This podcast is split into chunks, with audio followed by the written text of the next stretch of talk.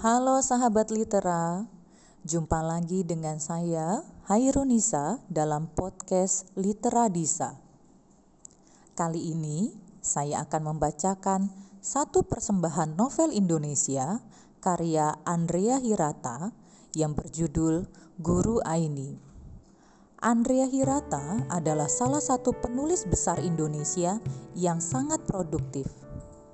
Salah satu karya fenomenalnya adalah Laskar Pelangi. Laskar Pelangi diterbitkan pada tahun 2009 lalu. Andrea Hirata dikenal sebagai penulis yang banyak terinspirasi dari kehidupan masyarakat Indonesia, khususnya masyarakat Belitung. Novel Guru Aini adalah tulisan terbaru dari Andrea Hirata tahun 2020 yang bercerita tentang perjuangan seorang guru matematika bernama Desi Istiqomah. Menjadi guru matematika tak seindah yang ia bayangkan. Tertekan hati, guru Desi lantaran tak tahu lagi cara mentransfer konsep matematika ke anak didiknya. Anak-anak yang sebagian besar terlanjur memandang matematika sama menakutkannya dengan hantu. Satu di antara sekian banyak siswa yang bebal matematika itu adalah Aini. Sakit ayah Aini yang konon hanya bisa disembuhkan oleh ilmu kedokteran modern membuat Aini membulatkan tekad. Ia harus menjadi dokter demi kesembuhan ayahnya. Dan untuk menjadi seorang dokter, ia harus menaklukkan matematika. Persembahan pembacaan novel yang ditulis oleh Andrea Hirata sebagai Indonesia First International Best Selling Book lulusan terbaik. Mengapa? Mengapa kau sangat ingin menjadi guru matematika? Tanya Bu Amanah dengan nada kalah. Sejak berjumpa dengan Bu Guru Marlis, kelas 3 SD dulu, aku sudah ingin menjadi guru matematika, Bu. Itulah harapan terbesar dalam hatiku. Karena aku selalu merasa menjadi guru matematika adalah alasan mengapa di dunia ini aku, Desi Istiqomah, ada. Kok bisa dikirim ke pelosok, Desi? Ke kampung yang listrik saja tak ada. Aduh, seramnya. Kau tahu sendiri, Sumatera ini luas sekali. Tak terhitung banyaknya pulau kecil. Kau akan dipingit nasib nanti. Diambil istri sama juragan kopra, boleh jadi. Indonesia perlu guru matematika, Bu. Apa boleh buat?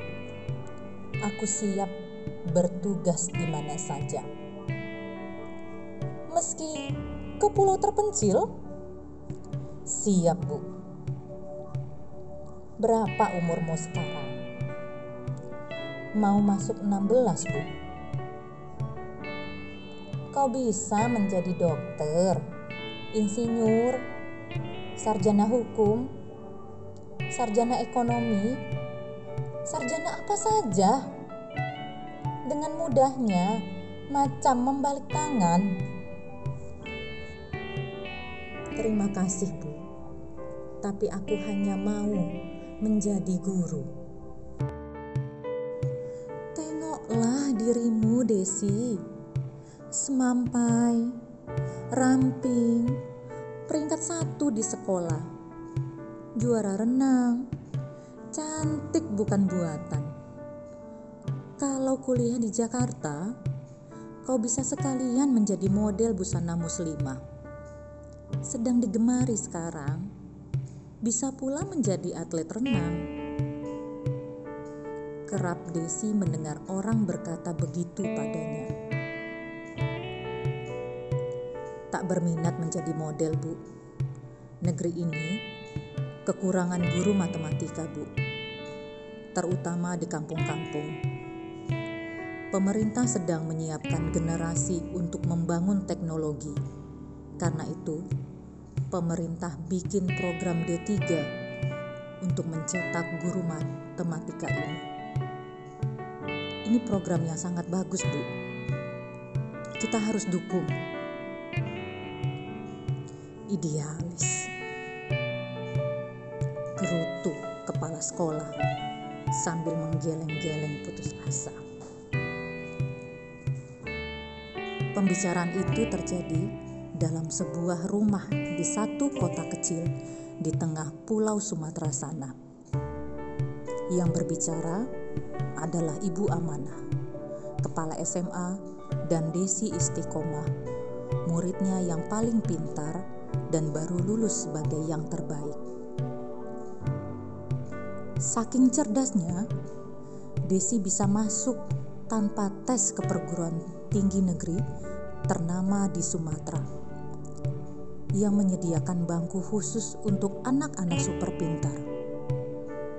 Kalaupun dia berminat, Ibu Amanah juga yakin Desi bisa lulus tes masuk universitas mana pun di negeri ini. Fakultas apa pun. Sebab nilai ijazahnya sangat cemerlang. Namun Desi memilih pendidikan diploma 3 yang diselenggarakan pemerintah untuk mencetak guru-guru matematika. Lulusannya nanti akan diangkat menjadi pegawai negeri sipil dan harus bersedia mengajar di seluruh wilayah Sumatera. Ibu Amanah datang ke rumah Desi atas undangan Ibu Desi yang sudah kehabisan cara untuk membujuk anak gadisnya. Mau ibunya, Desi masuk fakultas kedokteran saja atau masuk fakultas ekonomi belajar bisnis agar bisa melanjutkan usaha dagang ayahnya. Pembicaraan serupa rupanya telah terjadi antara Desi dan cinta pertamanya. Tokoh yang tak pernah absen dalam drama-drama semacam ini. Pacarnya itu seorang lelaki imut, penggemar film Korea bernama Runding juga tak setuju Desi mengambil sekolah guru itu. Kita bisa sama-sama kuliah di Medan, Desi. Kita bisa selalu bersama nanti. Shh. Seseorang di sebelah situ memperingatkan sebab pertengkaran itu terjadi di perpustakaan. Runding memang sudah kuliah di USU kita. Bagaimana dengan orang lain? Bagaimana dengan pengabdian? Kalau kau tak setuju, aku sekolah guru, kita putus sekarang juga.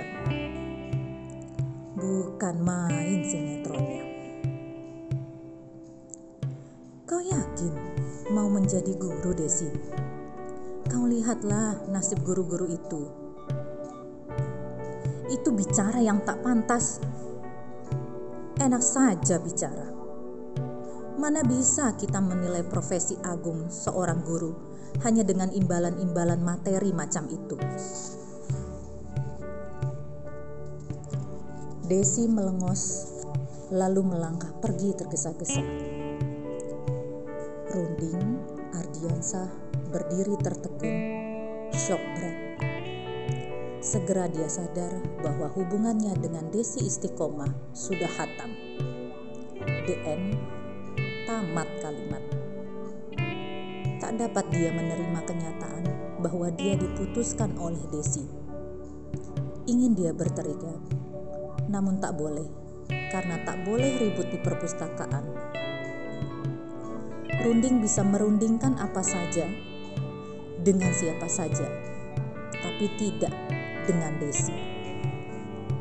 Begitu sadar, Desi sudah tak ada di tempat.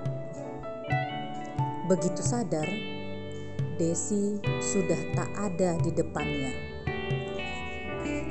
Dari jendela, dari jendela kaca, Runding hanya bisa melihat Desi menyeberang jalan Nun di sana. Sudah terlalu jauh untuk dikejarnya.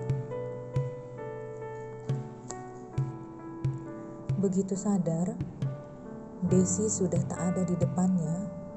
Dari jendela kaca, Runding hanya bisa melihat Desi menyeberang jalan Nun di sana. Sudah terlalu jauh untuk dikejarnya. Apalagi Desi melangkah cepat-cepat sebab sore ini dia harus bertemu dengan ibunya dan kepala SMA yang mau. Sorry. Begitu sadar, Desi sudah tak ada di depannya. Dari jendela kaca, Runding hanya bisa melihat Desi menyeberang jalan Nun di sana. Sudah terlalu jauh untuk dikejarnya. Apalagi Desi melangkah cepat-cepat sebab sore ini dia harus bertemu dengan ibunya dan kepala SMA-nya yang mau bicara dengannya. Desi melirik jam tangan dan melangkah semakin cepat melewati keramaian pasar, lalu melalui gedung-gedung. Ironis, di depan salah satu gedung, ia melihat seorang perempuan setengah baya memegang karton bertulisan 11 tahun guru honorer. Perhatikan kesejahteraan guru. Sejak kemarin, Desi telah melihat ibu itu berdemo sendiri saja. Ibu Desi melindungi mulutnya dengan tangan, berbisik pada Bu Amanah. Tapi Desi dapat mendengarnya. Toko, toko. Berarti kau juga tak mau melanjutkan usaha ayahmu? Lihatlah, toko ayahmu makin maju. Menjalankan toko sebesar itu perlu orang pintar. Kaulah orang pintar itu. Desi, toko besar ayahmu pun akan jadi milikmu nanti. Ayah Desi sendiri yang duduk di bilik. Sorry, ayah Desi sendiri yang duduk di balik dinding dan menguping pembicaraan itu. Tersenyum-senyum sejak tadi. Setiap kali Desi menangki serangan dan rayuan dari ibu dan kepala sekolahnya, dia kesulitan menahan tawa sebab dia tahu kedua perempuan setengah baya itu takkan pernah dapat menaklukkan putri kecilnya yang lahir dini hari saat listrik negara putus dan sebuah gunung besar di Afrika meletus. Ayah bangga karena putrinya mewarisi keteguhan pendirian itu darinya. Dulu, orang tuanya sendiri memaksanya untuk kuliah, namun dia berkeras ingin berdagang. Kini, dia lelaki yang bahagia karena bisa berdagang dan dikaruniai anak-anak Abang-abang Desi segera menyelesaikan kuliah sarjana dan master di fakultas-fakultas teknik. Tapi yang terpintar dari ketiga anaknya adalah si bungsu cantik dan berkepala batu itu. Desi istiqomah. Usaha ayahmu sudah lama, sudah banyak kepercayaan dari masyarakat. Kau tahu Desi, kepercayaan itu mahal, mahal sekali. Apalagi zaman sekarang. Aduh, Desi, para pemimpin wakil-wakil rakyat tak amanah. Maka toko ayahmu bukanlah sekedar tempat berdagang, namun ada nama baik ayahmu di situ. Nama baik yang harus dijaga anak-anaknya sendiri. Dari bujukan komersial, Bu Amanah meningkat ke bujukan politikal dan sedikit spiritual. Maaf, Bu. Aku tak berniat menjadi pedagang beras. Aku ingin menjadi guru matematika. Jawab Desi tenang. Kali ini, ayahnya tak bisa lagi menahan tawa yang lekas-lekas disamarkannya dalam batuk-batuk karena sesungguhnya istrinya mengharapkan dukungannya untuk mencegah si bungsu permata hati itu untuk masuk sekolah D3, guru matematika, lalu terbuang ke pelosok antah berantah. Ibu Desi terperenyak di sandaran kursi. Dari awal, sesungguhnya dia tahu dia tak akan dapat memenangi pertempuran dengan putri bungsunya itu. Bekas luka di atas alis Desi yang masih jelas memperlihatkan bekas tiga jahitan dan tangan kirinya yang bengkok karena pernah patah. Sesungguhnya menceritakan segala hal tentang gadis itu. Dari kecil, Desi sulit dikendalikan.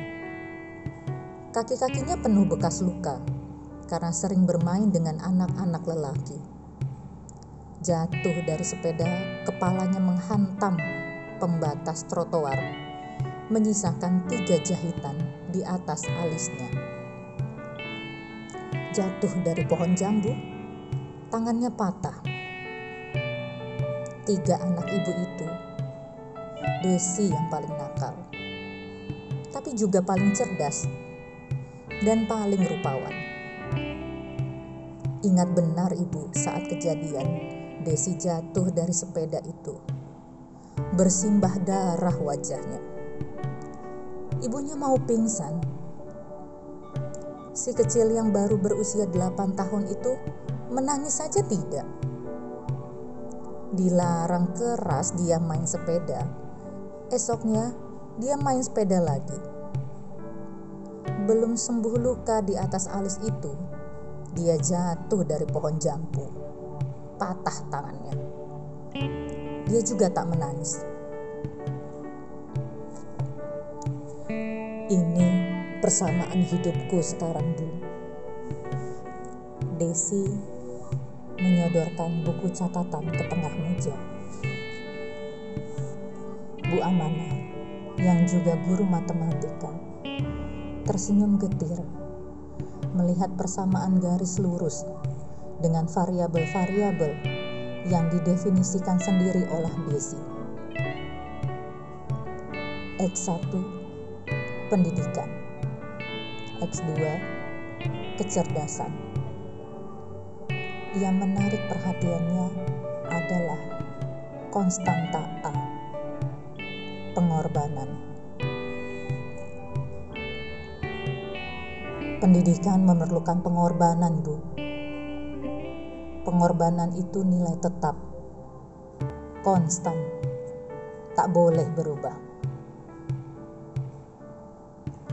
Di balik dinding itu, ayah Desi tersenyum menang. Jawaban filosofis itu memberi kesimpulan yang getir bagi Ibu Desi dan Bu Amanah bahwa upaya membujuk Desi telah gagal total. Karena gempa bumi sekalipun tak dapat menggeser keinginan si bungsu manis itu untuk menjadi guru matematika. Sambil melenguh, Ibu Desi bangkit lalu beranjak pergi. Diikuti Bu Amanah. Tinggallah Desi duduk sendiri. Sempat dia merasa tak enak hati karena begitu keras mempertahankan pendapatnya. Namun apa boleh buat? Dia ingin jujur pada dirinya sendiri. bahwa yang paling diinginkannya adalah menjadi guru matematika yang mengajar anak-anak miskin di pelosok. Dia tak mau menukar mimpinya itu. Dia tak ingin menjadi hal lain. Seindah apa pun, hal lain itu berjanji. Usah bersedih, Desi. Kejarlah mimpimu. Nanti, kalau melihat kau senang dengan mengajar, ibumu pasti mengerti kata ayah Desi yang tiba-tiba telah ada di sampingnya. Bersandar Desi pada ayahnya, satu-satunya orang yang selalu mendukung cita-citanya.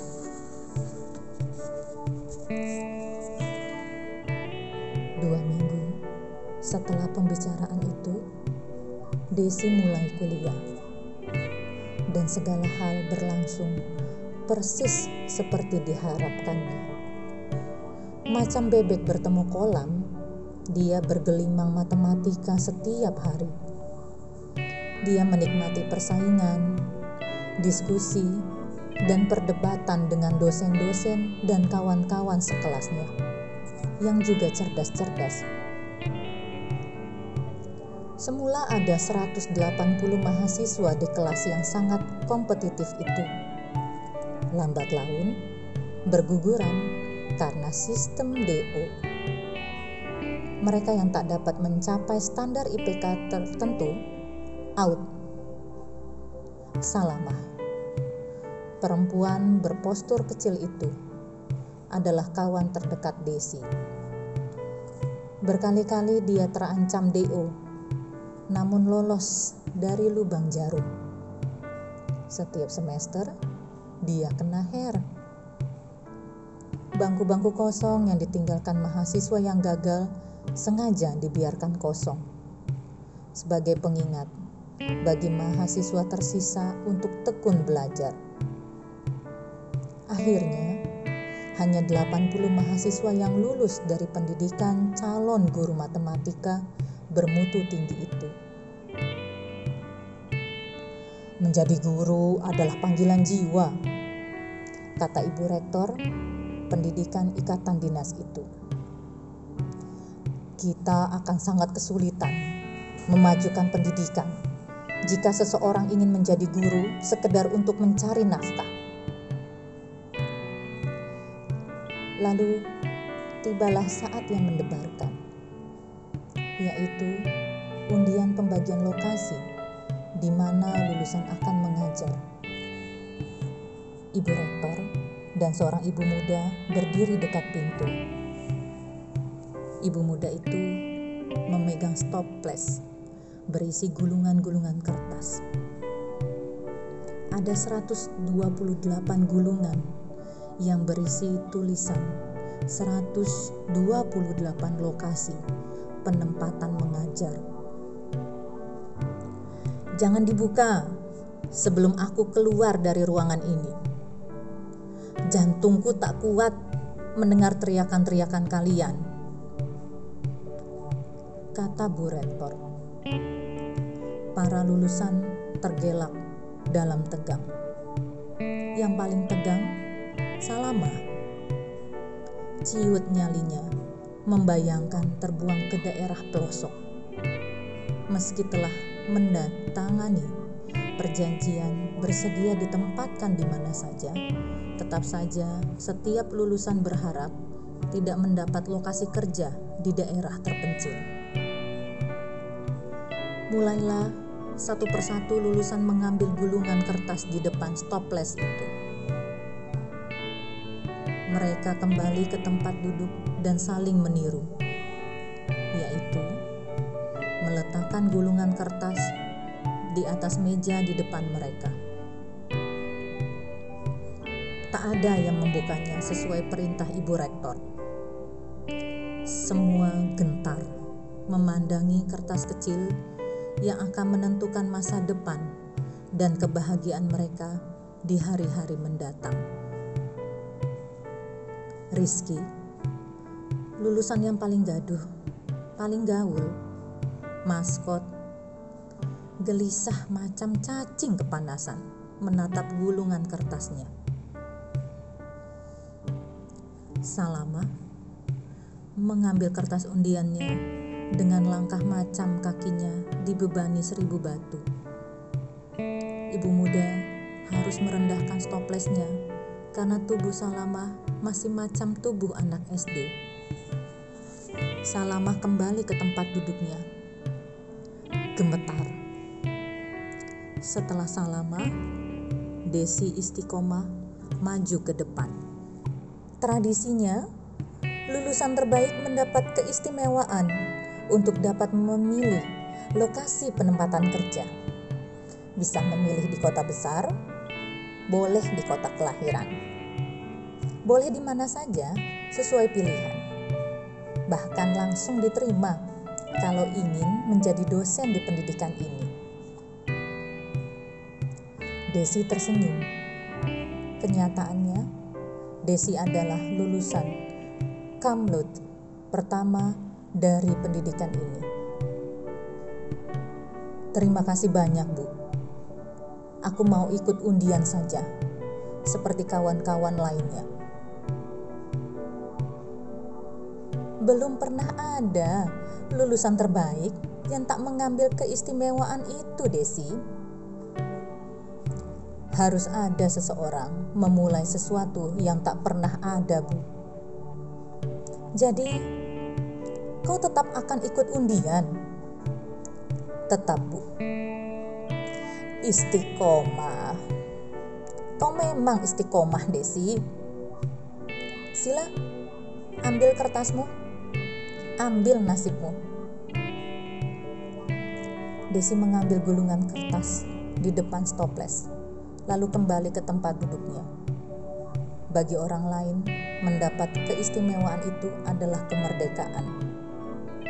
Bagi Desi, berani mengambil risiko dengan mengundi nasibnya adalah kemenangan pertama atas niatnya mengabdi. Apa pun yang akan terjadi, jika dari undian itu dia ditempatkan di daerah terpencil, dia siap. Jika mendapat kota besar, dia gembira. Pengundian selesai. Selamat untuk kalian. Maaf, aku tak bisa menghibur mereka yang mendapat lokasi kerja di pelosok. Satu-satunya cara menghibur diri adalah dengan mengingat bahwa kalian sudah mendatangani Surat perjanjian bersedia ditempatkan di mana saja di wilayah hukum Republik Indonesia, khususnya di Sumatera. Aku akan meninggalkan ruangan. Hitung dalam hati sampai 10. Lalu, bukalah gulungan kertas masing-masing. Lalu bersoraklah, menangislah sekuat tenaga. Para lulusan tergelak lagi. Desi berkata dalam hati, humor Ibu Rektor adalah salah satu hal yang akan sangat dirindukannya dari alma mater yang akan segera ditinggalkannya. Ibu Rektor dan Ibu Stoples keluar dari ruangan. Para lulusan tegang menghitung dalam hati. Batam! Batam! Semua terkejut melihat Rizky melompat-lompat dan berteriak sambil mengangkat kertasnya tinggi-tinggi. Asik, Batam! Batam! Aku bisa jadi guru sambil jadi MC. Pekanbaru, Pekanbaru. Sorak Anwar Adat lulusan terbaik kedua setelah Desi yang sudah botak sebelum menjadi profesor. Bengkulu, Bengkulu, sorak lulusan lainnya. Prabu Muli, Pematang Siantar, Metro, Palembang, Bukit Tinggi, Kelas menjadi gaduh karena lulusan yang merasa mendapat tempat yang mereka inginkan melompat dari bangku dan bergabung dengan Rizky. Berjingkrak-jingkrak mereka di depan kelas. Mereka yang mendapat daerah terpencil duduk tertegun. Sebagian tampak siap, sebagian pucat, sebagian pasrah, sebagian berusaha keras menguat-nguatkan diri Desi membuka gulungan kertasnya. Sontak dia tersenyum gembira melihat tulisan bagan si api-api di kertas itu. Elok nia nasibnya. Dia akan bertugas di kota pelabuhan yang maju, makmur, indah, dan agamis. Kota yang ideal bagi perempuan muda guru matematika. Dia menarik napas panjang berkali-kali karena lega. Apa yang paling ditakutkannya? Apa yang paling ditakutkan ibunya, yaitu dia terbuang ke pelosok antah berantah, tidak terjadi. Ingin segera dikabarinya ibunya soal itu. Semua lulusan telah mengetahui lokasi penempatan mengajar pertama mereka. Lalu semua terpana melihat Salama terisak-isak di pojok kelas. Yang berjingkrak-jingkrak di depan kelas tadi segera merubungnya. Rizky mengambil kertas di depan Salama, membukanya, dan terkejut melihat tulisan nama sebuah tempat yang dicoret-coret karena mungkin bagian administrasi sendiri tak yakin akan nama tempat itu. Tan. Tan. Tanjung Hampar. Sampar. Hambar. Pulau Tanjung Tampar. Oi, kawan-kawan. Apa ada yang pernah mendengar nama Pulau Tanjung Tambar? Tanya Rizky. Semua saling pandang Mengangkat bahu menggeleng-geleng. Apakah pulau itu masih dalam wilayah hukum Republik Indonesia? Tanya salah satu lulusan. Makin keras Salamah terisak-isak. Lalu mereka menebak-debak ada di mana pulau itu. Ada yang bilang dekat Nias, dekat Mentawai, dekat Singapura.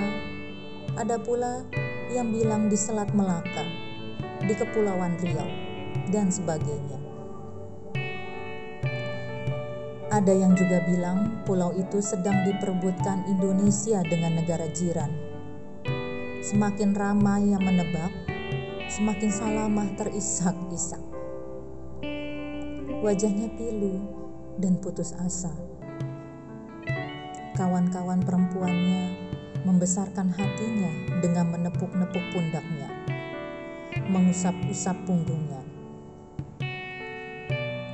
Desi mengambil gulungan kertas undian Salamah itu, meraih tangan Salamah, membuka tangannya, lalu meletakkan gulungan kertasnya sendiri di telapak tangan Salamah. Salama dan kawan-kawannya terperanjat usah risau mah. Kita tukar saja. Kau dapat bagan si api-api, aku siap ke Pulau Tanjung. Tanjung apa tadi? Tanjung Gambar? Tak apa-apa. Kata Desi sambil tersenyum lebar. Ternganga Salamah usah berterima kasih padaku, Ma. Aku memang ingin mengajar di pelosok. Salama berdiri, lalu mendekap Desi. Lucu tampaknya. Desi yang jangkung macam mendekap anak kecil, bersimbah air mata Salama. Hapus air matamu, Mah. Hentikan sinetron layar lebar ini, kata Desi. Bersoraklah semua mendengarnya. Meskipun sebagian akan ditempatkan di pelosok, namun semua orang muda yang cerdas itu bersuka cita karena akan segera menjadi guru matematika.